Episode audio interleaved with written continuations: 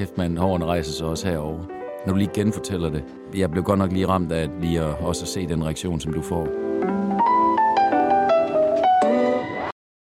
Lena, hvad har modgang lært dig allermest om lederskab? Det er et godt spørgsmål, Jonas.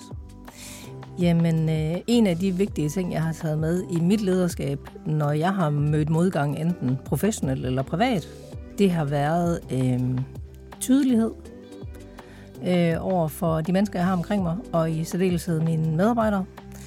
Øh, og øh, jeg har stået i fyringsrunder og konkurs. Jeg har stået i øh, personlige kriser, øh, hvor at den her øh, tydelighed og øh, kommunikation har været ufattelig vigtig.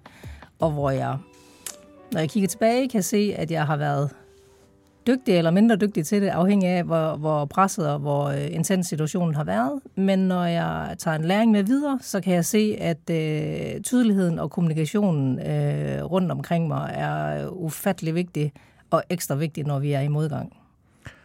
Og Mads, hvis jeg vender mine øh, brune øjne mod dig, kigger dig dybt i dine øjne og stiller dig det Mod, samme mod spørgsmål. mine blå. Mod dine blå, ja.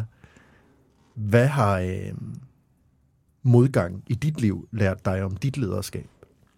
Jamen altså, jeg, altså, jeg er selvfølgelig meget på, på Lenas spor også, men, men jeg vil nok sige, at, øh, at det, der øh, har været... Altså, jeg er blevet allermest bevidst om, det er, at, at jeg skal simpelthen bruge øh, mere tid med dem, der betyder noget for mig.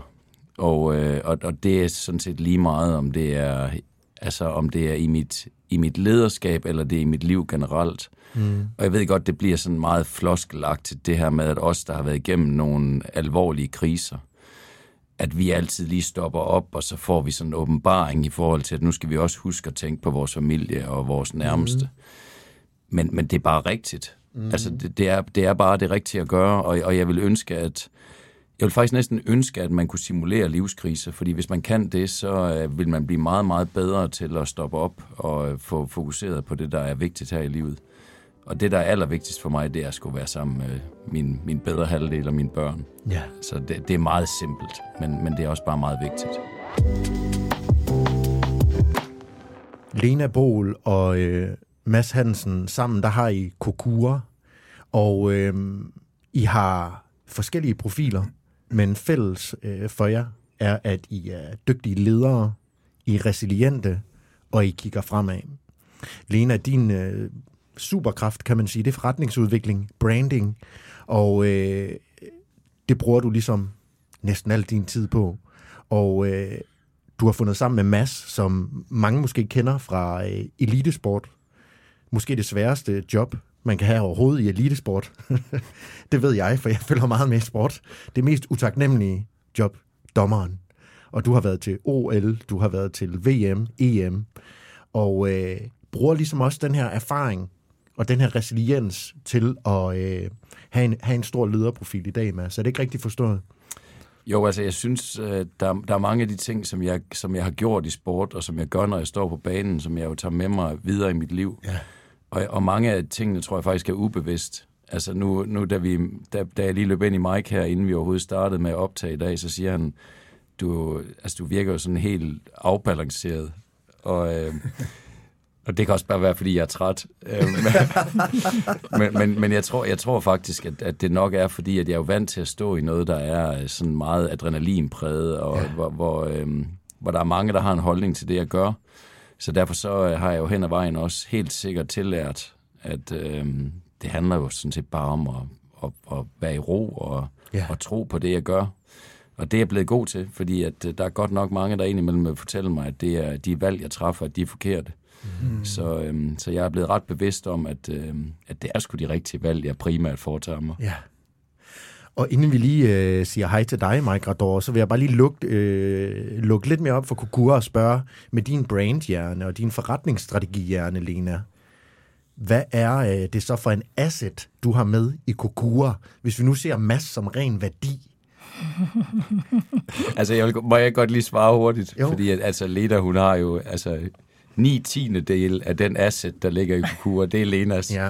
Så nu har jeg sagt det, for jeg ved, Ja. hun, jeg ved hun, hun gør det ikke selv, så nu har jeg kaldt den. Det er godt, men øh, jeg ved at når man har en brandhjerne, og man har en forretnings- og strategihjerne, så kender du også godt masses værdi som menneske, som forretningsmand.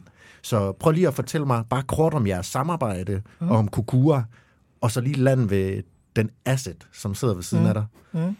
Jamen, den helt korte indflyvning er, at øh, Kokura er et digitalt læringsunivers, som masser jeg har skabt for at... Altså under visionen, ingen berøringsangst på arbejdspladsen, når livets vej slår krøller. Og øh, vi har et ønske om at gå op med den berøringsangst, vi selv har oplevet, da vi begge to var ramt af kraft. Og, øh, og, og når vi har lyst til at gøre det, så er det fordi, vi tror på, at hvis vi kan hjælpe virksomheder med at skabe en kultur, hvor vi tør at tale om alt det, der er svært, øh, ikke kun sygdom, men også øh, stress, mistrivsel, øh, ting, vi er utilfredse med ved vores ledere eller kollegaer, jamen, så tror vi faktisk, at øh, vi får øh, højere trivsel og bedre fællesskab og også mere resiliente medarbejdere, og der er bedre bundlinje.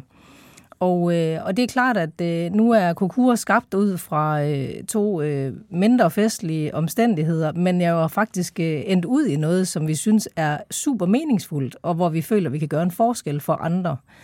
Og, og det er klart, at øh, den, den idé er jo kommet ud af øh, et potentiale, som øh, min erhvervsskade ikke kan lade være med at se, at kan der komme noget godt ud af en ret kritisk situation, som ikke har bragt øh, super meget positivt med sig. Øh, og det er klart, der kommer min øh, krøllede hjerne i form af forretningsudvikling, branding og, og potentialeudnyttelse mm. i spil. Øh, og når jeg så har valgt at sige, at øh, det er mega fedt, at øh, Mads og jeg kan gøre det her sammen, så er det fordi, at øh, for det første, at jeg virkelig godt kan lide Mads, og det kunne jeg fra den første kop kaffe, vi drak. Og vi havde noget til fælles. Øh, Udover en fælles historie, så har vi øh, grundlæggende de samme værdier, øh, som er utrolig vigtige for øh, både den rejse, vi er på øh, i Kukura, men også for, at vi kan have et partnerskab. Øh, jeg tror ikke, øh, jeg kan ikke se ret meget, hvor Mads og jeg vi ikke er enige øh, sådan i, de, i de virkelig afgørende værdier. Og, og Mads er i min optik øh, verdensmester i at skabe relationer. Han er ikke kun verdens bedste håndbolddommer, men han er verdensmester i at skabe relationer, og, og det er jo det hele omdrejningspunktet er i Kokura, det er, at vi skal have stærke relationer omkring os, fordi så har vi det bedre generelt. Vi lever faktisk også længere, når vi har det. Øhm, men når vi så står i svære situationer, enten professionelt eller privat, så, øh, så står vi virkelig også stærkere, når vi har nogle gode mennesker omkring os. Så derfor er det altså second to none, det Mads han kan føre til af værdi i, øh, i Kokura. Mike, jeg ved jo, at... Øhm, det ved jeg ikke, om det bliver for personligt, så må du, det må du så endelig sige fra. Men mm. øh, nu tester jeg alligevel. Du har også haft kraft inde på livet, Ja. og man kan sige, at det værste ved kraft, det er, at det er noget, alle på et eller andet tidspunkt enten får inde på livet, eller har haft inde på livet. Det er sådan, at når vi bliver ældre, så er der en stor risiko for, at vi dør af kræft. øh, men det kan også ramme tidligt, ligesom at øh, Lena og Mads har været øh, udsat for. Og øh, kræft kan jo være meget aggressiv. Øh, det kan gå ret stærkt med kræft. Så på den måde er det også ligesom en, en, en opvågning, man kan få af en slags. Og øh, øh Mike, jeg ved, at øh, du også har en historie med kræft. Er det noget, du øh, øh vil være interesseret i at dele, eller bliver det for personligt? Nej, selvfølgelig. Jeg fik faktisk en klump i halsen lige, når du sagde det. Ja. Øhm, jamen, øhm, for, for hvad er det snart et år siden, øhm, godt og vel, der fandt vi ud af, at min, øh, min kæreste, øh, Brenda, hun øh, havde kraft i, i, øh, i lungerne. Og øhm, ja, det er stadigvæk så nyt, så øhm, Ja, det er klart. beklager. Øhm, jeg skal et sekund Ja. når man skal snakke om det, så skal man genleve det igen. Mm. Ikke? Og det er lidt hårdt. Øhm, og vi fandt ud af, at den sad et sted, øh, den her kraftknude, som var i øh, et sted i lungerne, som gjorde, at hun, hun skulle have et kirurgisk indgreb. Og det viste sig, at den sad mellem nogle af de rør, som er inde i lungerne. Vi har nogle lungeposer, ikke? Inde i lungerne, vi har tre lungeposer, så sad den i nogle af de rør. Og den sad et sted, hvor vi ringede til utrolig mange hospitaler for at finde ud af, hvad, hvad var løsningen. Og Øhm, vi fandt ud af, at der skulle øh, åbnes op for hele brystkassen, og, og der skulle ind og lave et kirurgisk indgreb, og chancen for, at den blev taget, at fjernet den var lille, og ja, vi fik egentlig, vi fik egentlig, vi fik egentlig den der alvorlige besked, at this is, this is not good. Øhm, og øhm, det, var, det var meget mærkeligt, ikke? fordi vi står med en frisk og ung kvinde på 30 år, som har levet sundt og frisk. Hun har godt nok levet i et, øh, et miljø i, i Brasilien, som har været rigtig hårdt, hård opvækst. Øh, fattigdom og mishandel og øh, familiemedlemmer, som blev udsat for grov, grov, grov overfald. Ikke? Så man kan vel sige, at hendes celler er blevet udsat for negativitet, siden hun var lille. Siden hun var lille.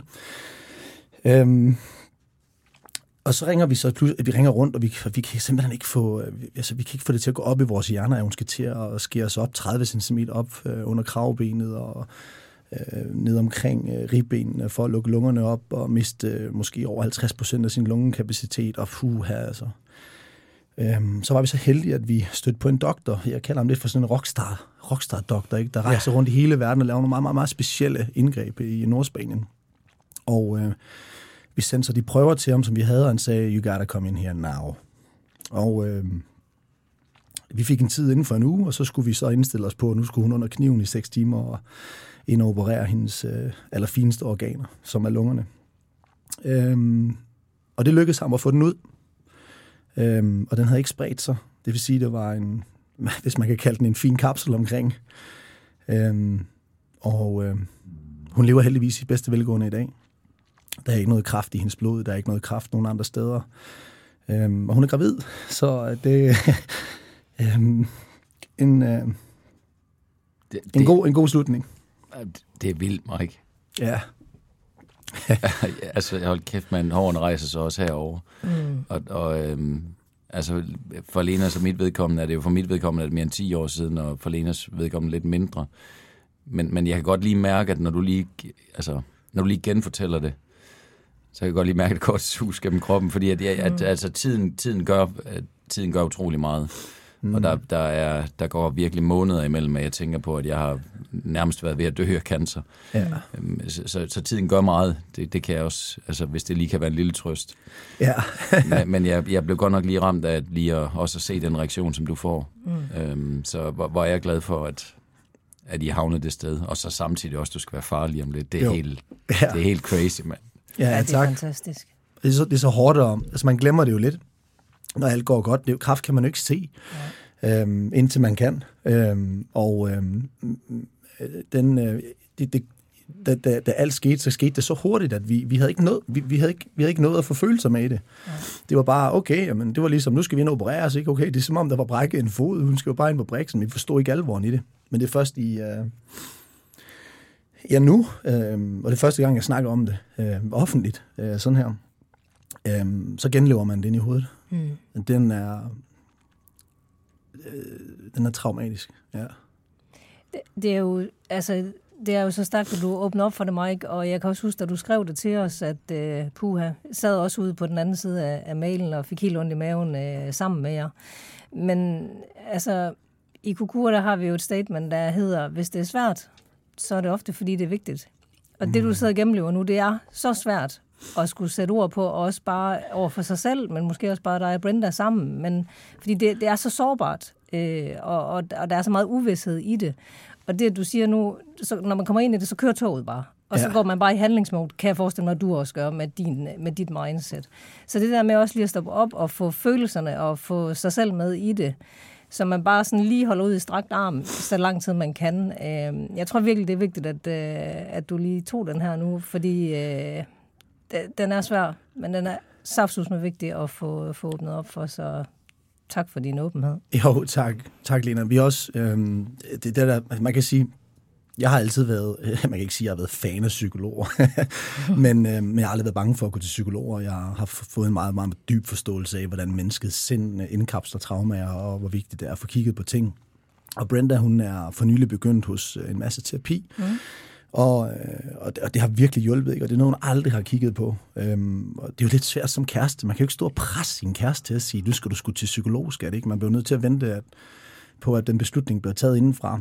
Og den tog hun for et øh, par måneder tilbage og gået i terapi, og de ting, der er blevet lukket op for, at det har jo bare gjort, den hele hendes indre energi er jo anderledes. Jeg kan jo mærke, når hun vågner om morgenen, hvordan hun har det, men hun har jo levet med Marit i, altså hver evig eneste dag i måske fem år inden hun fik kræft. Ikke?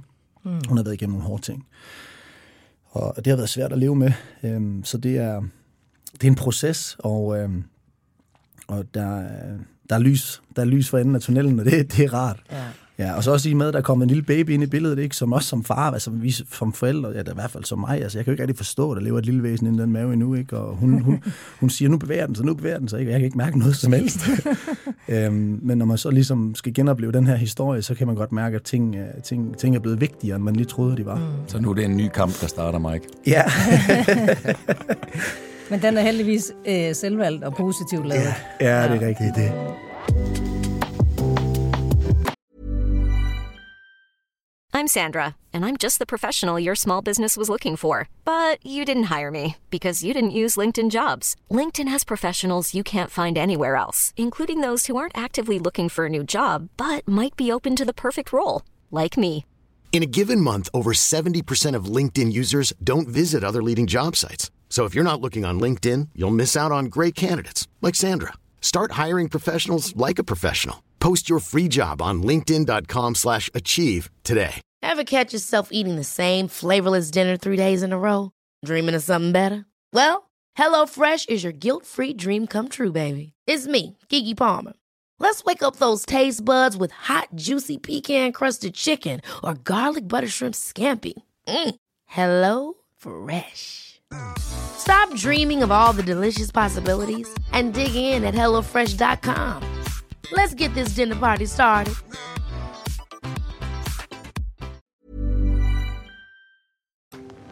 Det, jeg godt kunne tænke mig at vide, det var så, øh, fordi du nævner, Lena, at I, når, I, når I kokura, siger de her, så siger I, at de her historier er vigtige. Mm. Hvorfor er de vigtige, også i en virksomhedskontekst? Mm. Fordi man forstår, jeg forstår godt, hvorfor de er vigtige for mig. Ja. Fordi I shouldn't waste my time on shit. Altså, jeg skulle gøre, hvad der er vigtigt. ja. Og det skal jeg prøve at gøre så meget i mit liv. Men hvorfor kan det give noget til virksomheder? Altså vores lytter, der sidder derude. Mm. Selvstændige medarbejdere. Øhm, hvad, hvorfor er det vigtigt for, for andet end det personlige menneske? Jamen altså, hvis vi skal tage udgangspunkt i masses og mine egne oplevelser, så øh, oplevede vi ufattelig meget berøringsangst, da vi var syge. Øh, både fra øh, kollegaer og ledere, og i mit tilfælde også mine medarbejdere. Alle ville jo gerne vise deres omsorg og støtte os, men de vidste simpelthen ikke, hvordan. Og vi, jo, øh, altså, vi har et hashtag, der hedder hashtag, hvad fanden siger man lige, som er det, der sådan framer det. Alt, hvad vi sådan har oplevet, og alt det, vi øh, gerne vil gøre op med. Fordi når man står i noget svært, hvor du står over for et menneske, som står i en utrolig sårbar og svær situation. Du kan ikke tage diagnosen væk, du kan ikke tage sorgen væk, øh, frygten, angsten, alle de bekymringer, smerten. Så er det virkelig svært at vide, hvad man så skal sige. Fordi du kan ikke sige noget, der gør det bedre. Men omvendt kan du faktisk heller ikke sige noget, der gør det værre.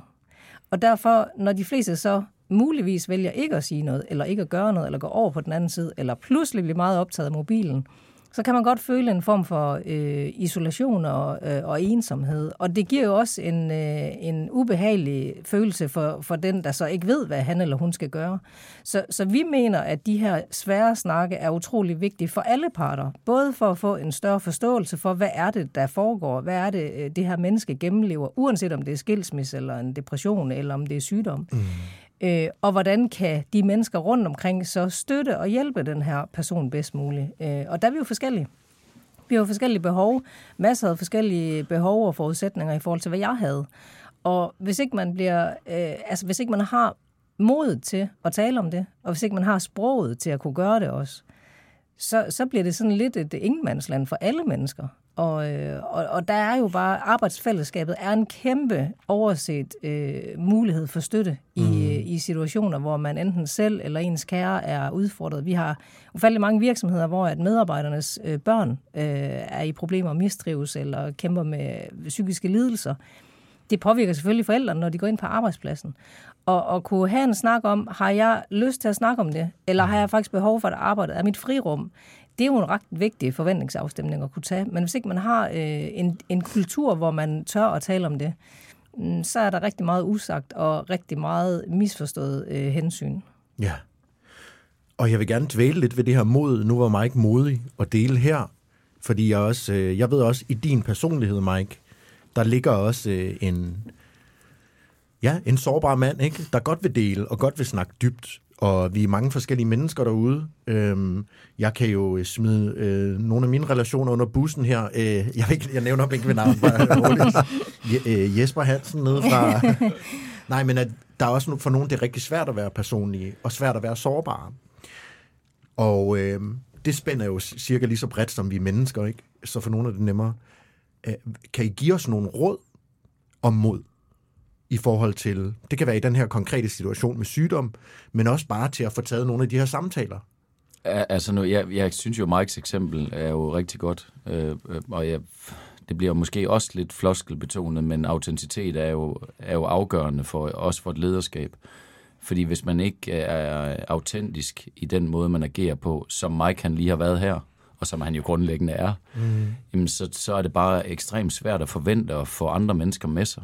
Mm. Altså, øhm, og, og der må vi også bare sige, at Lena og jeg kan jo godt se, at når vi, når vi åbner op for øh, de ting, som vi har oplevet i vores liv, som bestemt ikke altid har været øhm, sådan på den positive note, jamen så er der jo også en meget, meget større velvillighed fra dem, vi møder til at åbne op for nogle af deres egne historier. Mm.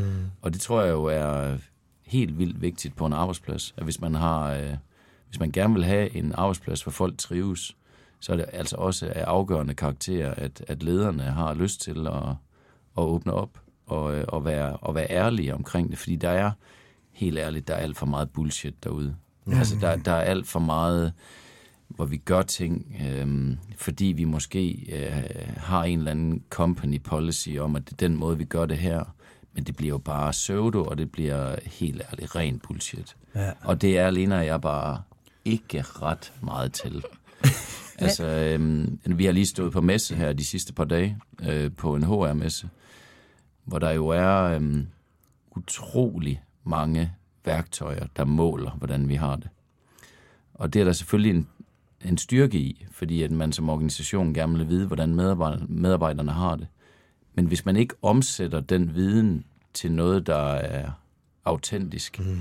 fordi man faktisk har en, en oprigtig interesse i andre mennesker, så er det jo bare det, jeg vil kalde people washing. Altså, det er mm. bare bullshit.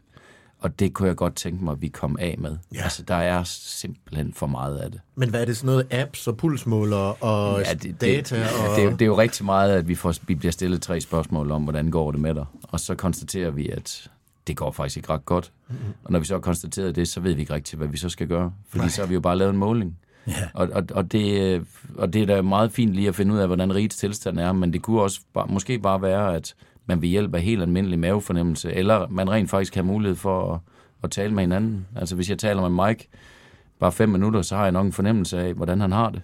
Det behøver jeg måske ikke nødvendigvis lige præcis noget, der, der er sådan generisk mål, og hvordan det går. Mm. Så, så, så det kunne jeg da godt tænke mig, at vi blev, øh, vi blev bedre til. Men, men altså problemet er jo, at det kræver tid, og grunden til, at vi også... Øh, utrolig gerne hele tiden vil måle på hinanden, det er jo fordi, at det, bliver, det er meget nemmere. Ja. Det er meget mere sådan klinisk, og det, er, det går meget hurtigere. Øh, og i, i den her verden, hvor alting bare banker igennem, der, der har vi jo nogle gange problemer med at overhovedet at stoppe op, fordi vi skal ja. videre til det næste, og vi skal hele tiden sørge for at effektivisere ned i mindste detalje. Ja. Vi havde jo en besøgende på vores stand, som øh, kom og sagde, øh, jeg har lige øh, fortalt min kollega her, at af alle de 140 udstillere, der er her, der er I den eneste, der har et human fokus. Og det er jo lidt for os lidt skræmmende, hvis det er tilfældet på en HR-messe, hvor H'et står for humans. øhm, det, må man, det må man sige. Ja. Vi har en god ven af huset, Kim Nør Skibsted, som sidder som direktør i øh, Grundfos øh, af Paul Du Jensen-fonden, og han er tidligere HR-direktør, og han plejer at sige, at H'et i HR er ikke stumt. Nej. Så vi skal huske på, at der også er nogle mennesker bag, og den synes vi virkelig er god. Og, øhm, og vi har stået her og langet øh, æsker med tandstikker ud til alle vores øh, besøgende. Øhm, og, og når du nu spørger om, om et konkret øh, råd til mod, Jonas, så er det faktisk en god trygtest, fordi vi taler ufattelig meget om, mennesker kan bestå Birkestesten. Fortæller I jeres kollegaer, venner, øh, samarbejdspartnere, kunder, om de har birkes i tænderne? For hvis ikke vi tør at fortælle, du har lige spinat i næsen, eller ikke i næsen, i tænderne, eller noget i næsen. Ja, den er endnu værre. Så, øh, spinat i næsen, spinat siger man ikke. Så har det virkelig så har det været en god frokost. øh, men, men hvis ikke vi tør at sige det, ja. hvordan skal vi så komme derhen og spørge ind til Mike, hvordan har Brenda det? Ja. Mm. Hvordan har du det mm. oven i alt det her? Og det er, jo et, øh. det er jo et sindssygt godt eksempel, fordi vi har alle sammen prøvet at komme hjem, og... Øh, have det der siddende mellem tænderne, ja. Ja. og have en busser, Ja, ja, eller et eller andet, præcis. hvor man bare tænker, det havde jeg simpelthen regnet med, I havde fortalt mig. Tak for hjælpen, venner. Ja, Ja. tak for hjælpen, venner. Ja. Så det synes jeg faktisk er rigtigt. Ja. Mm. Fordi man skal overskride sin egen grænse en lille smule, ja. ved at påpege noget for andre. Og det er der, at, at vi har tesen, hvis man har en kultur på arbejdspladsen, hvor vi ikke tør at sige det. Ja. Det siger lidt om den kultur og de relationer, vi har. Mm. Så der er måske noget, vi kunne arbejde med og, og styrke, sådan så at vi træner i fredstid øh, og generelt øh, har mod til at tage de her dialoger. Mm. Øh, og også kunne sige, jeg synes ikke, det er i orden, at du kommer for sent, hver gang vi har møde. Mm. Det er også en svær dialog. Men kan vi ikke tage det, så er det rigtig svært den dag, der er en, der står i en alvorlig krise.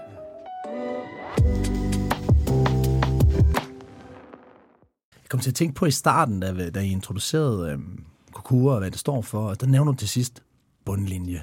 De hjælper mm. bundlinje. Og det, og det synes jeg er interessant, fordi da vi mødte hinanden, der var jeg jo i gang med en B2B-virksomhed, som øh, var ude at hjælpe virksomhedens medarbejdere med at få nogle bedre vaner, og måske øh, sharpe deres mindset til. Og det jeg oplevede, og det er også det, jeg oplever generelt i erhvervslivet, det er, at vi er jo konstant i en krig altså i erhvervslivet. Det vil sige, at der er jo ikke ret meget menneskelighed tilbage mange steder i erhvervslivet. Altså vi går ind på arbejdet, og så glemmer vi, at vi er mennesker. Og da jeg skulle sælge det her ind til virksomheder, og snakke, altså jeg er jo meget, meget effektiv, så jeg får ringet til 20 virksomheder hver dag i et halvt år. Så startede jeg jo med at fortælle, jamen prøv at høre, vi kan, vi kan hjælpe øh, medarbejderstaben til at få nogle mere effektive, produktive og kan man sige mindfulness-vaner, så de får noget mere overskud og positiv energi og intention osv. Der var ikke nogen, der bed på krogen, mm. indtil jeg begyndte at snakke bundlinje. Mm. Og, og det synes jeg er ret interessant, at vi er så stadigvæk er så kapitalistiske i et meget, meget, meget øhm, øh, bevidst samfund. Vi er jo meget, specielt efter alle de her sundhedsrapporter kom ud omkring vores mentale tilstand og vores overvægt og hvad, hvordan det går. Men vi bliver nødt... Det er næsten ærgerligt, at vi skal, vi skal snakke, jamen vi gør det her, og så hjælper det bundlinjen. Mm. Men det er jo naturens sag, at når man har glade, sunde, raske, energiske, motiverede, ja. øhm, engagerede medarbejdere, at det hjælper på bundlinjen. Men hvis ikke man nævner det ord, så får man oftest ikke de møder. Jeg ved ikke, har I, har I oplevet det, eller hvordan, hvordan, fun, altså, hvordan fungerer det i jeres verden? Fordi for mig også specielt, nu tror jeg også, fordi jeg har været igennem nogle hårde ting i mit liv, så jeg, jeg fanger pointen. Mm. Men, men har det været svært for jer at komme ind i, i virksomheder med jeres koncept? For jeres koncept, uanset hvordan man, eller jeres forretning, uanset hvordan man vender og drejer den, det er jo en, det er de bløde værdier, ikke? Og det er jo de ting, man ikke lige kan i en CEO's stresset hverdag, kan måle og dreje. Ja. Jamen, det er en øh, mega skarp pointe, fordi øh, da vi gik i luften, vi kom ud i marts 2020, midt i coronanedlukningen, hvor for, for det første var der ingen, der ville mødes med os, og for det andet så brændte alt omkring dem, og øh, de havde problemer nok med deres medarbejdere. Så det, at vi kom og sagde, nu skal I også til at tale med dem om alt det, der kan være svært, og særligt under corona, kunne der, var der mange ting, der var svære, og nye ting, der var svære. Det var, der var ikke så meget lydhørhed omkring det. Men, men vi er jo ofte blevet øh, spurgt om, jamen kan I lige lave sådan en beregning om, hvad er risikoen for, at jeg får så og så mange medarbejdere, der bliver stresset, så og så mange, der bliver langtidssygemeldte, kraftramte, alle de her teser, vi, vi slog ned i. Og det kunne vi som sådan godt.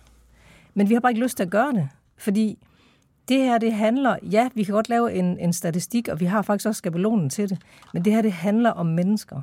Og det, som Mads siger, det kan man ikke altid putte på formel.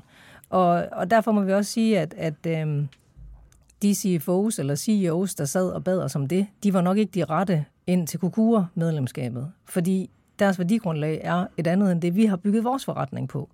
Men der er sket noget i markedet i løbet af de sidste to år, øh, fordi at vores øh, mentale sundhed og vores trivsel på arbejdspladsen og i livet generelt, den er udfordret.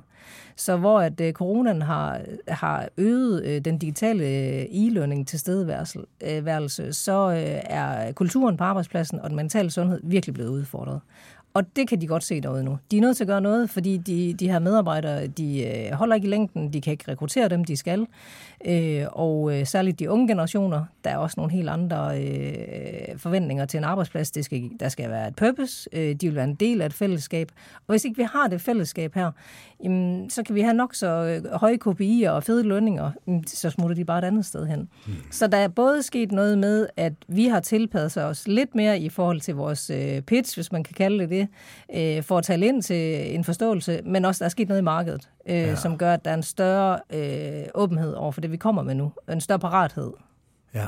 Men, men altså, jeg, jeg synes, det er, det er verdens bedste pointe, Mike. Fordi at, at Lena har ret i, at der sker noget i markedet. Men det er jo igen drevet af, at det måske er, fordi man ikke kan skaffe medarbejdere. ja. eller det er drevet af, at folk de smutter videre til det næste, hvilket jo deraf påvirker bundlinjen. Mm. Så, så du, har, du, har jo, du har jo den verdens bedste pointe, fordi i virkeligheden så handler det bare om at behandle hinanden ordentligt. Ja. Mm. Hvis vi behandler hinanden ordentligt, og vi skaber rum for de her arbejdspladser, hvor vi har det godt, så kommer bundlinjen jo også til at, altså at være den helt rigtige. Ja, ja og der, jeg, jeg kommer til at tænke på, at jeg havde en øh, Morten Larsen, som øh, mange kender som founder for Hungry, og øh, tidligere direktør for Just Eat. Han, var også, øh, han kom ind som group CEO hos os. To unge knejde i, øh, i Minto, Conrad og Mike, og øh, skulle... Øh, ja, han skulle klæde os lidt godt på og, og sørge for, at vi blev bedre om. Og det, som han virkelig lærte mig, og det må jeg give kado til dig, Morten, hvis du sidder og lytter nu, så kæmpe high five. Det var, Mike, du er nødt til at skabe tid i din kalender. Til ikke at have noget som helst andet at lave, end at rende rundt på gulvet og være der med dine medarbejdere.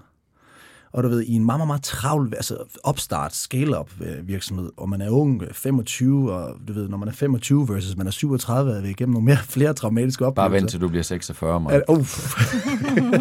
som... Øhm, nej, men så har man måske ikke lige det fokus, men, men det var faktisk altså det, som virkelig hjalp på kulturen, og det, som virkelig hjalp på medarbejdernes øhm, følelse af, at man faktisk havde et sammenhold, det var, at den øverste leder tog teten. Mm. Og det øh, var i sidste ende jo både mig og Konrad. Og det vi lærte, det var, vi, skal, vi bliver nødt til at skabe tiden i kalenderen. Så, altså, det kan godt være, det lyder mærkeligt, men skriv ind i to timer on the floor. Mm. Og så var der ikke nogen agenda andet end af bare være sammen med dem og spørge og snakke og høre og lytte og hjælpe og støtte. Og det gav et kæmpe løft. Mm. I, uh, også min, min, min følelse af, at jeg var... Øhm, at jeg var vigtig for dem. Altså, jeg var der for dem. At jeg, jeg, jeg mærkede, at vi havde en tæt connection. Mm. Og det tror jeg, der er rigtig mange ledere, som, som virkelig ikke... Altså, som, som glemmer, ja. at vi skal være der sammen. Vi er jo mennesker. Ja. Men der er vi bare tilbage også til det autentiske. Fordi hvis, hvis, hvis dine medarbejdere fandt ud af, at, at du ikke mente det, men mm. du bare gjorde det, fordi at du gerne vil have dem til at være to timer længere på arbejde. Ja, det... Eller du bare gjorde det, fordi at det handlede kun om at maksimere bundlinjen, så bliver du opdaget på et tidspunkt. 100 procent. Og, og derfor så, så at, altså for mig bliver det faktisk næsten ekstra voldsomt, hvis det er sådan, at du gør det med overlæg. Du skal mm. gøre det, fordi du mener det. Hvis du ja. ikke mener det, så er det, så er det bedre at lade være. Mm. Ja. Og vi, vi siger det også til, altså jeg siger det jo til rigtig mange af dem, jeg møder på min vej i forhold til kukurmedlemskabet. Hvis I ikke mener det som virksomhed, hvis det bare er fordi, I gerne vil se godt ud, så lad være. Fordi at når det er sådan, at vi kommer ind, så bliver der jo ofte åbnet op for nogle ting, der godt kan være svære. Ja. Der, der bliver lige pludselig skabt et rum for, at, øh, at der er nogle ting, der måske kommer frem. Og hvis du på forhånd har besluttet dig for, at det er bare fordi, det skal se godt ud på en hjemmeside, så er det i min verden bedre at lade være. Og så bare være ærlig omkring, at det har vi faktisk overhovedet ikke lyst til at tale om hos os. Nej. Mm. Men der bringer vi ligesom også den, øh, den skillevej, som vores øh, marked og vores forretning er ved at tage lige nu. At vi, har, vi kommer fra CSR, vi, og nu er vi på vej over i en ESG-tid, og øh, der er rigtig mange, der tænker det her udelukkende som branding. Hvis vi træder ned i vores helt konkrete fysiske hverdag, mm. så nu kigger jeg lige over på Mike, fordi jeg driver en virksomhed sammen med Mike og partner sammen med Mike. Der er jo bare noget, der skal eksekveres. Og der er jo bare penge, der skal på bordet.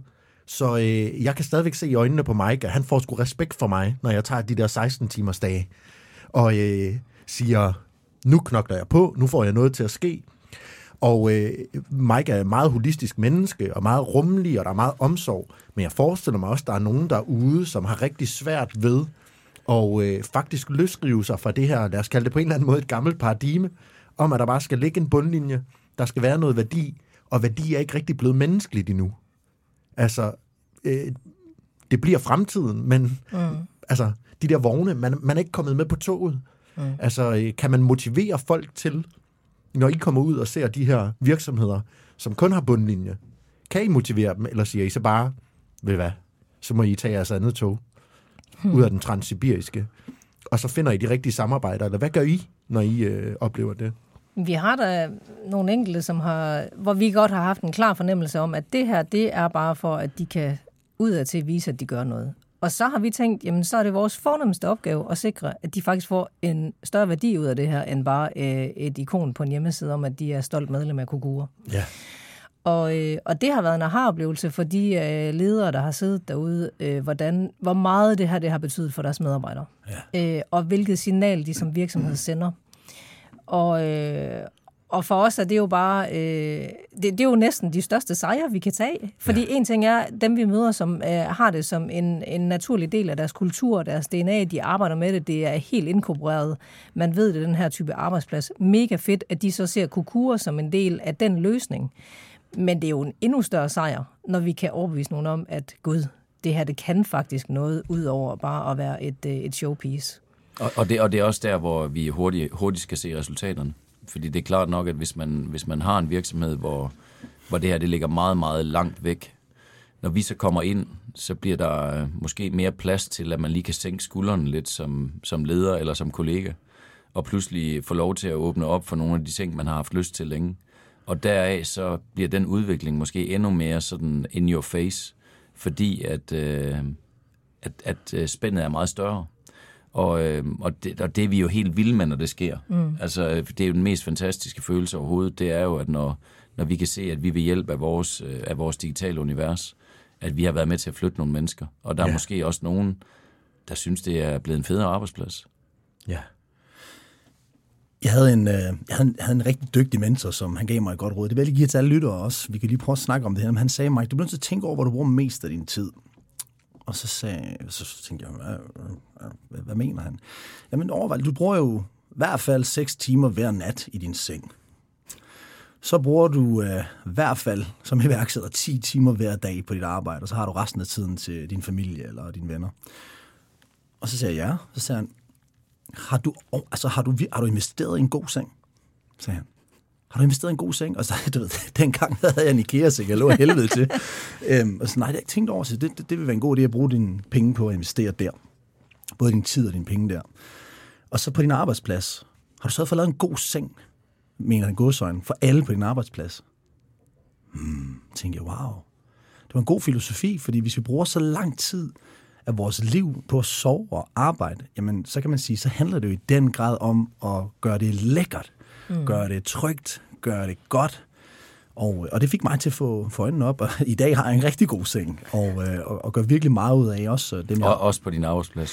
ja, ja, vi, har, vi, har alle sammen, vi ligger faktisk bare og sover og arbejder. Nej, men, men, men selve metaforen og filosofien, den synes jeg er god, fordi hvis du møder ind på dit arbejde, og du har det helvede til, mm. men du, du bruger jo størstedelen af dit liv, ikke? Du bruger en tredjedel af dit ja. liv på dit arbejde, hvis ikke mere. Øhm, og det samme med din seng. Og det, de tre områder, ikke? det er jo din, din, din nattesøvn, din professionelle kontekst, og så din familie. Det er... Ja. Og jeg vil gerne lige øh, konkludere lidt på det, vi har sagt her, inden vi bevæger os videre. Øhm, jeg synes, det er rigtig stærkt, det her, du siger med sengen. Øhm, at sørge for, og på en eller anden måde var det, han sagde også til dig også, skabe et miljø, hvor du kan være tilpas selv, ja. og hvor andre kan være tilpasse. Ja. Og så kigger jeg over på Lena og siger, det er jo også birkestesten. Mm. Det er jo også at være modig. Mm. Og øh, hvis man skal fuldstændig omstille sig selv, når man træder ind i en helt anden kultur, end man selv er, eller øh, man har derhjemme, når man træder ind på arbejdspladsen, så er man måske ikke helt autentisk nok. Nu kigger jeg over på Mads, sætter jeg lige sløjfer sammen her, men den her autenticitet, det her mod, og det her fokus på, at øh, det skal være værdifuldt for dine medarbejdere at komme på arbejde også. Man skal være tilpas. Ja, man skal, og man skal skabe tiden til det på samme vilkår, som man skal skabe tiden til sig selv, lige at få overvejet, hvem er, hvem er jeg egentlig, og hvad, hvad vil jeg egentlig gerne, og hvad er egentlig vigtigt for mig, og det er også noget, jeg lader mærke til med jer begge to. I er meget, meget klar over jeres værdier. Mm. Og det, altså nu møder jeg jo mange mennesker i mit arbejde som mentor, ikke? Der, altså, nogle, så møder jeg nogle gange en, en, en, en leder, som, som så får de opgaven, jamen lad os lige prøve at få øh, identificeret dine kerneværdier. What? Siger personen så, what? Værdier, det skal man lige slå op, ikke? Jo, man skal lige finde ud af, hvad, hvad mener du med det? Og, og den styrke, der ligger i at være en leder, som kender sine værdier og ja. står ved sine værdier, eller bare som menneske generelt, og så implementerer det ind i en virksomhed, den effekt, den har, den er undervurderet. Ja. Fordi det her med, når, man, når vi er mennesker ikke, og møder så mange andre mennesker, det handler jo om at kunne kridte banen op på en respektfuld måde og sørge for at sætte grænser. Øhm, og, og kunne tale om det, hvis ja. der bliver overtrådt grænser. Det er jo også meget det, I går ind for, det er, at jamen, hvis vi overtræder hinandens grænser, lad os få taget en samtale. Mm. Øhm, så, så det, jeg lagde mærke til, da I kom ind, det var det her med værdier. Mm. Men I skulle bare vide, hvor mange mennesker, jeg ved ikke, hvor mange af jer lytter, der ved det ud. Hvad er jeres top tre kerneværdier? Altså, hvad er det, der er vigtigste for jer? Og det er der mange mennesker, som ikke ved. Mm. Den er bevidsthed, selv, øh, selvbevidstheden i, hvem vi er, hvor vi vil hen, og hvad der er vigtigt for os, hvad der betyder noget. Og så stå ved det. Det, det er rigtigt. Altså, jeg tror også, der er også noget med årene, Mike. Vi er jo ikke 30 masser, jeg har. så der er noget læring der. Men hvis jeg må give et eksempel fra mit eget øh, lederskab, hvor jeg faktisk ikke var helt tydelig i det. Da jeg startede som øh, leder i Bestseller som 25-årig og sad med øh, 400 øh, motorbutikker i hele Sydeuropa og øh, kæmpe budget på 90 millioner euro, og kom egentlig som øh, total ufaglært. Jeg havde en gymnasial uddannelse der havde jeg en ambition om, ja, men jeg bliver øh, 35, så skal jeg sidde øh, som øh, head of et brand. Og, øh, og det, det kom jeg øh, allerede i en alder af 32, så jeg kørte jo bare på den helt store karriereklinge. Men Øh, for mig var det vigtigt, at jeg havde øh, virkelig, virkelig god indsigt i mine medarbejdere. At jeg vidste, hvad deres børn hed, om de hed hund, om børnene gik til gymnastik eller til ridning, og, og var meget interesseret i dem. Det, der bare lige pludselig gik op for mig, det var, de anede ikke en dyt om mig. Øh, fordi jeg var den professionelle, der altid var den første, der mødte ind, den sidste, der gik hjem. Jeg havde styr på mit shit, jeg var forberedt til fingerspidserne, øh, kunne alt om medarbejderen. Sådan en dag, så øh, øh, går strømmen i mit hus, og min fryser, alt var tøet op. Så jeg tog alt, hvad jeg havde i fryseren med på arbejde, og sagde, prøv at der er boller og kage, eller sådan noget, kan I ikke spise det, fordi det skal bare spises nu. Og så kiggede de på mig, og så er der en, der siger, altså bager du? Ja, siger jeg så. Siger, Jamen laver du også mad derhjemme? Ja, jeg, jeg spiser aftensmad. Og så siger hun, Nå, jeg troede bare, du var sådan en, der bare fik takeaway, fordi at, uh, du bare sad herude og arbejdede, og så gad oh, du ikke lave mad. Ja. Og den satte sig bare i mig, og den har jeg taget med så meget i hele mit videre liv og, og min karriere med ledelsestil, at det er ikke nok, at jeg interesserer mig for mine medarbejdere, og så bare har en skal professionelt. De er nødt til at have noget alene af mennesket også. Mm, og ja. det har jeg virkelig taget med mig. Ja, den er god. Det var en aha-oplevelse. Ja, wow. Men du bager? Jeg bager. du bager, ja.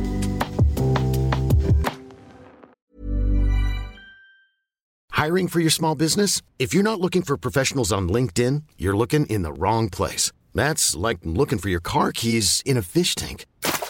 LinkedIn helps you hire professionals you can't find anywhere else, even those who aren't actively searching for a new job but might be open to the perfect role. In a given month, over 70% of LinkedIn users don't even visit other leading job sites. So start looking in the right place. With LinkedIn, you can hire professionals like a professional. Post your free job on linkedin.com slash achieve today. Since 2013, Bombas has donated over 100 million socks, underwear, and T-shirts to those facing homelessness. If we counted those on air, this ad would last over 1,157 days. But if we counted the time it takes to make a donation possible, it would take just a few clicks. Because every time you make a purchase, Bombas donates an item to someone who needs it. Go to bombas.com slash ACAST and use code ACAST for 20% off your first purchase. That's bombas.com slash ACAST, code ACAST. Hvis man nu lytter med, og man er interesseret i, altså man kan jo sige, blive et bedre menneske, men at blive en bedre medarbejder, eller blive en bedre leder, eller blive en bedre version af sig selv. Har I, har I nogle gode råd dertil? Altså, hvordan, øh, hvordan starter man på den opdagelse? Er der noget, man kan starte med at kigge på? Og Mike er jo altid god. Han hijacker altid lige mit manus og kommer med noget skarpt, så det er godt, Mike. Nå. Øh, Det skulle jeg lige til. Jamen, det er godt. Nå, Ja. sorry. Nej, det skal du ikke. øh, Det er fedt. Altså det første, der falder mig ind, øh, og, og det er jo også lidt animeret af, at vi lige har stået på den her messe, det er i virkeligheden bare nysgerrighed. Mm. Altså, øhm, og det er jo simpelt, men, men det, vi, vi har jo som mennesker brug for, at der er nogle andre, der interesserer sig for os. Så hvis vi bare er nysgerrige på, øh, hvad er det for et perspektiv, du har, Mike, jamen så er der en meget stor chance for, at når vi forlader hinanden, så går vi begge to videre mere positivt stemte, end før vi havde vores samtale. Og det, det prøver jeg virkelig at tage med mig alle steder. Jeg prøver altid at være nysgerrig på det menneske, jeg står overfor. Og det, det lyder igen også som en kliché, men, men det er jo det, vi har brug for, fordi vi har brug for, at der er nogle andre, der interesserer os for vores liv og for de handlinger, vi træffer. Og jeg elsker jo, når der er nogen, der spørger ind til mig, altså, øh, og, øh, og, og er, er interesseret i, hvad, hvad er jeg for en fyr, og hvad, og, og hvad fylder hos mig. Så, så det tror jeg, at, at det er noget af det allervigtigste, jeg overhovedet har taget med mig på min vej, det er jo bare at blive ved med at interessere sig for andre mennesker. Men det kræver også overskud, eller hvad? Jeg, jeg synes ikke, det kræver ret meget overskud. Altså, jeg synes jo, det, det, jo, det kræver nogle gange tid, og det gør også, og det ved jeg også godt, Lena, hun indimellem stikker lidt til mig og siger, at mine samtaler bliver meget lange. Men det er jo fordi, jeg bliver, jeg bliver, jeg bliver fanget. Altså, jeg bliver fanget af andre mennesker, og jeg bliver fanget af, at, at der er virkelig nogen, der kan alle de ting, som jeg ikke kan. Og deraf så bliver jeg jo også dygtigere på min vej. Mm. Og så tror jeg også, altså, øh, Lena var jo lidt inde på det før med alder. Altså, det er jo også, øh, det spiller selvfølgelig også en rolle, fordi den erfaring, vi nogle gange putter ind, Det er ikke et spørgsmål, om vi er 26 eller 46, men, men det er klart at det vi får med os på vores vej, gør selvfølgelig måske også, at vi bliver lidt mere rummelige og får en lidt større interesse i det, der rører sig rundt om hovederne på os. Det er klart. Øh, men, men altså, et, altså hvis, hvis jeg bare skal sige det med et ord, så nysgerrighed, det, det synes jeg, man kommer utrolig langt med. Ja. Ja, hvis jeg skal give et uh, input til det, så... Uh, og det er jo derfor, du er verdensmester i at skabe relationer, Mads. Uh, de skal bare have god tid, når de spørger ind til dig. Nej. Uh, men, uh, Det lyder også præcis som, når Mike øh, snakker til mig nogle gange.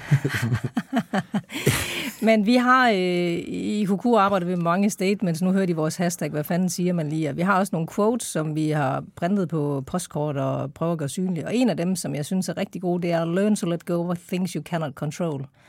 Og jeg har i hele min ledelseskarriere virkelig godt kunne lide kontrol. Altså, at når jeg kan styre øh, situationen. Og da jeg blev syg, der var der i hvert fald noget, jeg ikke kunne kontrollere. Og, øh, og det var det, jeg kæmpede allermest med. Det var øh, det, at alt var ude af mine hænder, og jeg kunne ikke kontrollere noget som helst. Så jeg måtte ret hurtigt øh, tilegne mig et mindset, der hed, fokusere på det, du kan kontrollere. Mm. Og jeg kunne ikke styre, om øh, canceren øh, spredte sig, om øh, kemoen virkede, eller om jeg blev dårlig af den behandling, jeg skulle have. Men jeg kunne fokusere på, hvordan jeg fik min nattesøvn, hvad jeg spiste, hvad jeg trænede, øh, hvordan jeg brugte min tid øh, på arbejde eller privat, og med hvilke mennesker. Og, og det, øh, det fokus på det, vi selv kan kontrollere, tror jeg vil hjælpe rigtig mange mennesker, både privat og professionelt, hvis vi kan komme dertil, at vi prøver at rette vores fokus og energi de steder, øh, hvor vi kan kontrollere det.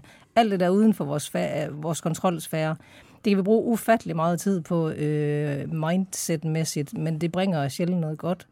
Og det er okay, at vi lige ryger ud, men så skal vi ret hurtigt have nogle værktøjer til at sige tilbage til, til den øh, inderkerne, hvor jeg kan, kan, jeg kan påvirke det. Og øh, det er lettere sagt end gjort, men, øh, men hvis man kan have det som et fokusområde, så tror jeg, der er rigtig, rigtig mange ting, vi, øh, vi bliver dygtigere til også. Og ja. hvis man så arbejder sammen med sådan en fyr som mig, så er det rigtig godt at have det mindset. At øh, man, der er bare nogle ting, man ikke kan kontrollere. Ja. Men Jonas, du får ikke lov endnu, fordi at nu, er, nu har jeg jo arbejdet sammen med dig i, uh, i noget tid, og jeg har også lagt mærke til, at, uh, at du er utrolig god til mennesker. Ja. Altså, der er noget, du kan, og du bakker mig op med i min uh, startup-hjerne, uh, scale-up-hjerne, så, uh, så, så Jonas, han kan, du kan mennesker. Ja. Mm. Kan du ikke også lige prøve at, at give et godt råd med på vejen? Jamen, jeg tror faktisk meget, at øh, jeg sad lige og identificerede mig utrolig meget med Mads, fordi for mig, som kommer fra en baggrund, der både er nysgerrig og nørdet, altså jeg har virkelig, altså jeg, jeg har jo en kandidat i mellemstudier, jeg har nørdet nogle mærkelige emner, jeg har virkelig været nede i nichen. Så på en eller anden måde kan man også sige, at jeg er high performer, akademiker, ikke? Ja. Når du bruger et halvt år på at sidde og skrive et speciale i et eller andet, så bliver du nørd. Og så er jeg jo journalist. Og i journalistikken har vi altid, øh, der siger man jo, øh, sådan en klassisk sætning er, get the name of the dog. Så når du er ude og interviewe en eller anden, hvis du kommer hjem med hans hunds navn, så har du lavet dit arbejde godt. Fordi så har du været derinde, hvor øh, du kender ham så godt, du har lært så meget om ham eller hende, at du faktisk ved, hvad der sker i hans liv. Altså, man forstår jo ikke øh, nødvendigvis, øh, hvor meget man kan få ud af en menneskes relation med sin hund, eller, altså, så, så, der, så det er det her med at være oprigtigt nysgerrig, være oprigtigt grav, øh, grave dig oprigtigt ned, og så se mennesker som læring. Mm. Altså, jeg har engang siddet ved siden af en biavler til en konfirmation. Mm. Det var de vildeste to timer i mit liv. Hold kæft, hvor var Erling spændende. Det endte jo i biodiversitet, og i sidste ende, så bliver det her øh, jo for mig inspiration. Mm. Ikke bare personligt, men også til min forretning. Mm. Altså, hvad kan jeg lære af dig? Så hvis man, har, hvis man er måske lidt mere egodrevet, og ikke synes folk som udgangspunkt er så spændende, fordi man har travlt med alt muligt andet, så, skal man, så kan man måske også, nu, nu bliver jeg lidt hardcore her, men se dem som en ressource for din viden. Mm. For folk er spændende. Ja. Det handler om, hvilke spørgsmål du stiller dem. Mm. Og nu har du honning, du kan putte i teen også. nu har jeg honning forever. Og Danmarks til, bedste honning, ikke? Og til information, så er honning jo det eneste stof på planeten Jorden, som aldrig bliver gammelt. Så ved I også det. Ja, der kan du bare se, Mike, hvad du har fået ud af, øh, at jeg kender Erling. men, men det for mig, øh, det relationer er skabt af, så der, støtter, der bakker jeg bare 100% op om, øh, om det Mads også sagde, at nysgerrighed, mm. nysgerrighed eller er relationsskaber. Ja. Altså, bottom line. Mm. Og øh, som Zig Ziglar engang sagde, uh, we're all in sales, everything is sales. Så hvis du kan få folk til at føle sig tilpasse, så kommer din kommunikation også bare øh, bedre ud. Ja, altså. han, han, sagde, han sagde jo faktisk, stop selling, start helping. Ja. Ja. Og det er måske også det.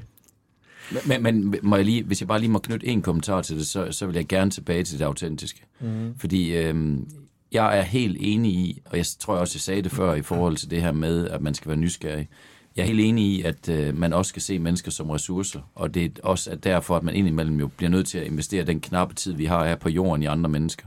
Men jeg tror bare stadigvæk, det er vigtigt, at man gør det af den årsag, at det er fordi, man er autentisk. Ja, ja. Altså, fordi ellers så bliver man opdaget. Ja. Hvis det er sådan, at man altid bare bruger mennesker, fordi man, man gerne vil have noget ud af dem, så, så tror jeg ikke på, at det er et langløb. Og jeg tror, på et, på et eller andet tidspunkt, så er der bare en, der, der får nok og Ja. tænker, du, nu, har du, nu har du suget al den viden ud af mig. Mm. Altså, og du gjorde det kun med et eneste formål. Ja. Det var sådan set bare, at du ville få din virksomhed videre, eller du ville få dig selv videre.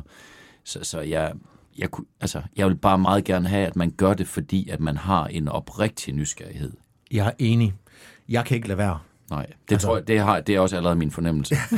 Men, men nogle, gange, nogle gange, hvis ikke man ved, hvordan, så skal man starte et sted. Ja. Ja. Og, øh, og man bliver overrasket som menneske, hvor nysgerrig man egentlig kan være. Og øh, mange gange så er der også en masse ting, der holder os tilbage, ikke? og vi, måske har vi ikke så meget dybt endnu i os selv, og måske skal man grave lidt mere ind i sig selv, for at man kan blive øh, rummelig for andre mennesker. Ikke? Så, så jeg elsker det her udtryk med, at alt starter hos dig selv. Ikke? Mm. Ja. Og øhm, ja, det vil jeg bare bakke op om at sige, at hvis man ikke er Mads eller Jonas, så tror jeg nogle gange, så kan det også godt starte ved et godt spørgsmål. Øhm, inden vi bevæger os over i noget, som jeg har glædet mig vildt meget til med jer to, og lige kort snakke om jeres vaner, jeres øh, high-performance-strategier i hverdagen, fordi det er jo ligesom noget, vi lover vores lyttere, så vil jeg bare sige, jamen, kan man give folk, vi, vi er ligesom enige om, at fremtiden er mere autenticitet for virksomheder, for mennesker. Vi bliver nødt til på en eller anden måde at have omsorg for vores medarbejdere. Hvis vi vil klare os, hvis vi vil tiltrække folk, så bliver vi nødt til at lave et fedt sted, hvor de kan være. Øhm, Vi bliver også nødt til at have det fedt som ledere. Det er ikke nok bare, at medarbejderne har det fedt. Vi skal lave fede organisationer. Personlige organisationer. Men husk, husk lige at definere high performance, for jeg har virkelig oplevet, at det bliver misforstået, i Ja. specielt i Danmark. Altså high performance betyder egentlig bare, at man lever intentionelt. Og intentionelt, det betyder egentlig bare, at man får noget mening bag det, man gør og vil. Øhm, altså du kan, ikke, du kan ikke performe på det høje plan på et holistisk område, eller på hol- holistisk set i dit liv, hvis ikke du lige trækker en skridt tilbage og tænker dig godt om. Mm. Og det er det, som high performance betyder. Fordi mange gange, når vi definerer high performance, så har jeg lagt mærke til, at øh, specielt kvinder, de kan godt blive lidt stresset af det ord. Mm. Og det er nok, fordi det er blevet en lille smule amerikaniseret. Men det betyder egentlig bare, at du er intentionel. Og et godt eksempel, det er, at inden man starter dagen, finde ud af, hvad er vigtigt for mig i dag? Og hvad, hvad kunne jeg godt tænke? Hvorfor nogle værdier vil jeg gerne vise frem i min dag i dag? Og hvorfor nogle mennesker vil jeg gerne hjælpe i dag? Og hvad skal jeg nå i dag? Eller i hvert fald forsøge at tænke sig lidt om, i stedet for at køre over på autopilot. Men, men Mike, kunne vi så ikke begynde at kalde det det i stedet for? Fordi jeg, jeg, jeg, jeg bliver rent faktisk også lidt intimideret af at høre om high performer. Mm. Ja. Altså, og, og det er jo lidt tilbage til det, jeg sagde øh, altså for nogle minutter siden omkring det her med, at vi hele tiden skal effektivisere, og mm. vi skal procesoptimere. Jo. Det, det, det er det første, jeg tænker, når jeg tænker high performance. Det er jo, at du hele tiden altid skal sørge for at optimere ned til mindste detalje, fordi at du skal high performe. Jeg kan meget bedre lide den anden definition. Godt. Altså definitionen om, at, at, at du er intentionel. Ja. At, du, at du træffer dine valg på baggrund af, at du har været reflekteret. Præcis. Lad os ka- hermed fra nu af, high performance is out, hashtag intentional. Det er, det er jo vildt. Vi får jo øh, forretningsudvikling live on the mic her ja. fra, fra Kokura. Ja, men altså andres perception kan vi jo ikke øh, ændre ved, men den siger, det giver jo øh, en påvirkning ind til det fælles image, vi har, når vi nu taler branding. Nu kommer ja. min erhvervsskade her, Ja, det er Jonas. dejligt. Det, Ja, ja. det, det har jeg bare ventet på. Ja, men der, jeg plejer op, masser af jer, vi har sådan en stående joke om, at fordi nogle gange synes Mads, det tager lidt overhånd med det her branding, fordi alt vi gør er branding. Men, øh, men, men vi, vi kigger rigtig meget ind i, at det vi siger, det vi gør, og måden vi fremstår på, øh, skal hænge sammen. Der skal være autenticitet, der, der skal ikke være noget diskrepans imellem de tre ting, fordi så er vi ikke troværdige. Men så dertil, altså, og det er de tre ting, vi selv kan påvirke. Så der har Prøv vi jo mulighed igen.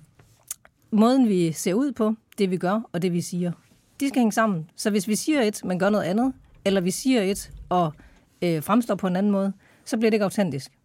Øh, de tre ting er inden for vores egen kontrolsfære. Øh, og det er jo i alt, det er måden, vi som personer fremstår, det er vores hjemmeside, det er vores kanaler, og det er de mennesker, vi samarbejder med, det er alt, som ligger inden for den.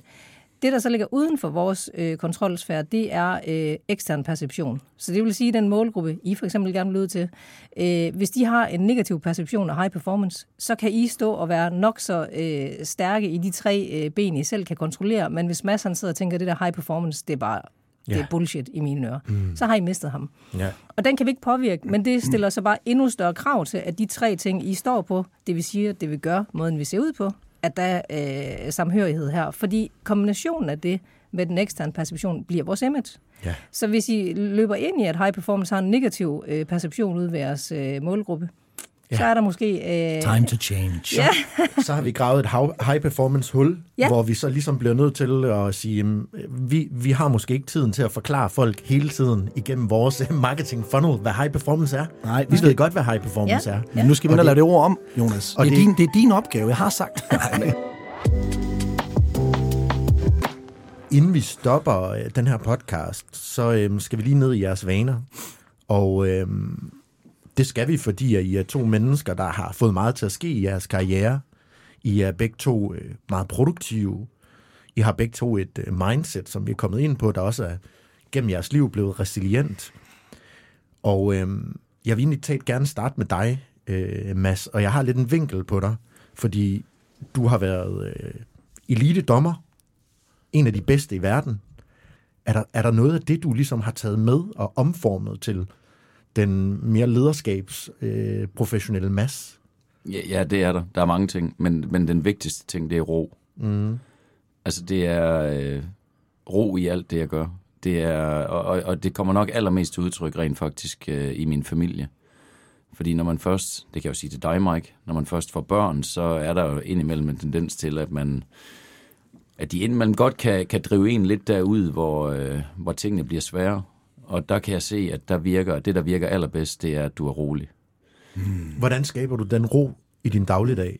Jamen, den skaber jeg ved hjælp af alt det, jeg gør. Altså, Mike sagde det jo også, ja, nu sagde jeg det også en gang tidligere i podcasten, Mike han sagde det jo lige, da vi mødte hinanden, at du virker godt nok utrolig rolig, Mads. Og det, og det er sådan et grund, det, det er grundlæggende. Altså, det er jo ikke fordi, at jeg synes, at man skal fjerne alt temperament og alt følelse og alle de der ting.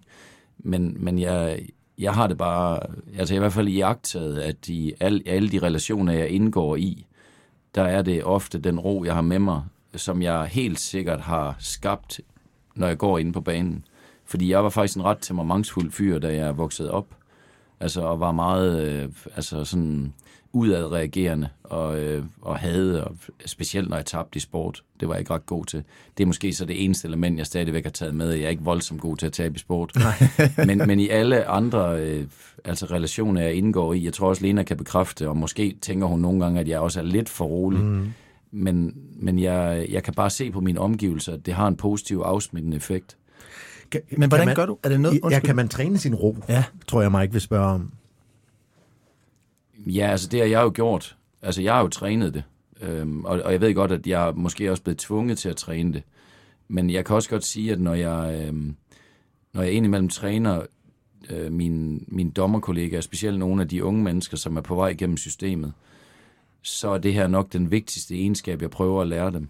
Det er, øh, at de bliver nødt til at, øh, at forblive rolige, på trods af, at alting rundt om jer, rundt om jer det er kaos. Og, og jeg, jeg ved godt, det er lettere sagt end gjort, og selvfølgelig kræver det også noget erfaring. Men som med alt andet her i livet, så kan man træne ting, selvom at man måske synes, at det er rigtig svært. Og, øh, og det behøver man ikke være håndbolddommer for. Det, det tror jeg, at vi kan gøre, øh, uanset hvad vi laver i vores hverdag. Men hvis man ikke er bevidst omkring, at det er en styrke eller en kvalitet, jamen så bliver det jo selvfølgelig svært at vide, hvorfor man skal fremelske lige, lige netop den evne. Ja. Øhm, men men jeg, altså, nu bliver det meget højdragende, men helt ærligt, hvis vi bare var meget mere i ro, tror jeg så, at vi blev ved med at slås rundt omkring i verden. Nej. Altså, jeg, jeg, jeg tror det simpelthen ikke. Og så, og så vil jeg måske, hvis jeg bare lige må sige én ting mere, så nu, nu du har givet mig mikrofonen, så er det også... Det var det, jeg sagde, I skulle have god tid. Ja. Men var det første, jeg sagde, ikke forholdsvis klogt? Jo, det var godt, Mads. Jeg fortsætter ned ad den note. Det var klogt. Den, den anden del, det er respekt. Altså, øh, og, og det er, øh, og jeg vil, jeg vil putte øh, lige et ord mere på, det er gensidig respekt. Og det er, at man, øh, at man kommer allerlængst her i verden, hvis man har respekt for øh, det menneske, man øh, sidder overfor, eller står overfor, og, øh, og yder mere, hvis man også er i stand til at perspektivbytte hvis jeg, hvis jeg ved, hvorfor det er, at, at du reagerer på den måde, og jeg også, og jeg også bruger energien på at sætte mig ind i det, mm af respektfulde årsager, så er der en meget større chance for, at vi opbygger en stærk relation, mm. og der er også en meget stor chance for, at vi går herfra øh, og har det bedre, end da vi kom. Så det, jeg hører dig sige, vær responsiv i stedet for reaktiv. Ja, det er en, en meget, meget fin måde at fremstille det på. Det, mm. det, er, det er jeg helt fuldstændig enig i. Mm. Lena, du øh, har mange jern i ilden, så du arbejder også som konsulent med branding, forretningsudvikling. Du har Kukura med Mass. Du øh, sidder i bestyrelse af advisory boards. Jeg gad godt at blive helt konkret med dig og sige, hvordan ser en dag ud for dig, når du skal have de her mange ender til at gå sammen mm. med relativt komplekse øvelser, ja. analyse, strategi, mm. eksekvering. Altså det er de store linjer. Mm. Det er forretningers bundlinje, mm. du sidder og piller i. Ja. Hvordan strikker du din dag sammen med alt det her? Jamen, øh, jeg har jo min mor spurgte mig engang, hvorfor kommer du altid i sådan nogle kaos-situationer arbejdsmæssigt? Og så tænkte jeg, at det er nok, fordi det synes jeg er fedt at komme ind og rode der, hvor jeg kan være med til at gøre en for- forskel. Jeg er ikke så god til det der med, hvor jeg bare skal drifte noget. Jeg skal kunne være med til at drive en udvikling. At jeg så gør det på mange planer, gør jo tingene lidt mere komplekse. Og det betyder også, at jeg øh, er virkelig nødt til at have en benhård prioritering af, hvordan jeg bruger min tid, og at jeg bruger min tid på det, der skaber mest værdi. Og det kan både være øh, i en opgaveløsning om, hvad er det for nogle opgaver, jeg skal gå til nu, hvad skal jeg prioritere, men det er også det at få prioriteret øh, mit helbred, øh, at jeg får øh, trænet, jeg får løbet. Jeg kan ikke gøre det lige så øh, struktureret som Mike kan. Jeg, no, nogle gange, når jeg ser Mikes øh, vaner der, så tænker jeg, okay, jeg, jeg er ikke engang kvalificeret til at være med i den her klub. Jeg har heller ikke børn endnu. Nej, må, det er jeg må ikke lige hurtigt sige noget? Nå, det, det er jo, hvorfor laver I ikke det her som videopodcast? Den der t-shirt, Mike han har taget på, den sidder så sindssygt på ham. ja, det er rigtigt. Der kommer du også lidt til kort da, da, jeg, da jeg trådte ind og så Mike i dag, tænkte jeg bare, fuck, kæft, jeg gad godt til sådan der ud. Jeg ville være bare overkrop konstant, hvis jeg var Mike. Jamen, det er selvfølgelig rigtigt. Tak, tak Mads. det var godt, det var dig, der sagde det, ikke mig. Ja. ja. ja, men du sidder og tænker det, det ved ja, jeg. Ja, ja, ja. Men, øh, men nej, altså for mig er det vigtigt, øh, at jeg stadigvæk øh, får trænet, at jeg får løbet, øh, men allermest vigtigt faktisk, at jeg får klidet hovedet, øh, kommer ud og får noget frisk luft. Det har virkelig fået prioriteret, at jeg skal have de der gåture eller løbeture, hvor jeg kommer ud i naturen. Øh, ud på mit, når jeg virkelig har meget om ørerne, så er det bedste, jeg kan gøre, det er at ryge ud på mit paddleboard, mm. øh, hvor jeg bare skal være til stede for ikke at ploppe i øh, mm. og lige kan, kan, kan få, få klidet skallen helt. Og det er vigtigt for mig at have de der pauser, fordi det kører hele tiden. Øh, og jeg har, det er virkelig en erhvervsskade, at jeg ser potentialer i alt, og muligheder i alt, og, og den kører non-stop, om det så er mine bestyrelsesposter, hvor jeg på vegne af de virksomheder ser, ser muligheder, eller om det er kukurer, eller om, hvad det nu er privat.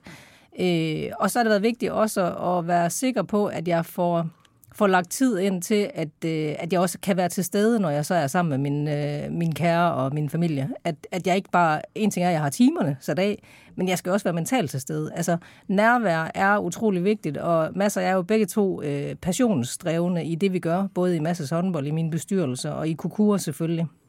Og derfor så går vi helt ind i det og har per definition bare mange ting, som vi synes er fede, men, men hvis ikke vi kan være nærværende i det, vi gør, fordi vi har så travlt og så mange ting, vi har i gang, så øh, synes jeg, det hele falder til jorden. Og, og det gælder både i kukurer, øh, og det gælder også i, i privaten. Så, så for mig har det været vigtigt at have få, men virkelig gode øh, øh projekter, jeg kaster mig over, og derfor har jeg også, for eksempel i min egen forretning, måtte sige, at jeg kan ikke tage mere ind. Jeg har de bestyrelser, jeg har, øh, og dem skal jeg skabe værdi i, og derfor så er der nødt til at være, være tid og kvalitet og nærvær i det. Mm. Jeg vil øh, så småt lukke den her podcast ned. Vi kunne blive ved med at snakke, fordi det er virkelig et øh, indsigtsfuldt rum med jer tre kloge mennesker, der sidder rundt om mig her. Jeg synes, vi er kommet langt omkring øh, Mads og Lena. Det er fantastisk at herinde, og jeg er ikke i tvivl om, at I får kæmpe mere succes med Kukura, end I allerede har, fordi at fremtiden har brug for jer. Så tusind tak, fordi I vil være med. Tak fordi vi måtte komme. Ja, det var, det var virkelig inspirerende. Så vi har været, øh, det tror jeg godt, jeg kan sige på begge vegne, vi har været utrolig glade for at være her. Og så selvfølgelig også for at have mulighed for, at jeg sidder og kan kigge over til Mike. Altså, shit, mand. Ej, jeg kan mærke den der man love. Man love. Tusind Ja. ja. tak, fordi I kom. Og tak, Mads. Det, øh, jeg tør næsten ikke kramme dig nu. Vi lukker ned, inden det bliver for hot i studiet. tak fordi I lyttede med derude til mere podcasten. Og husk at gå ind og øh, give os en like, hvis I godt kan lide ærlige samtaler. Anmeld vores podcast, hvis I godt kan lide helt konkrete råd. Og øh, få øh, indsigt fra nogle af de dygtigste ledere, mennesker, eksperter i Danmark. Tak fordi I lyttede med. ha' det godt.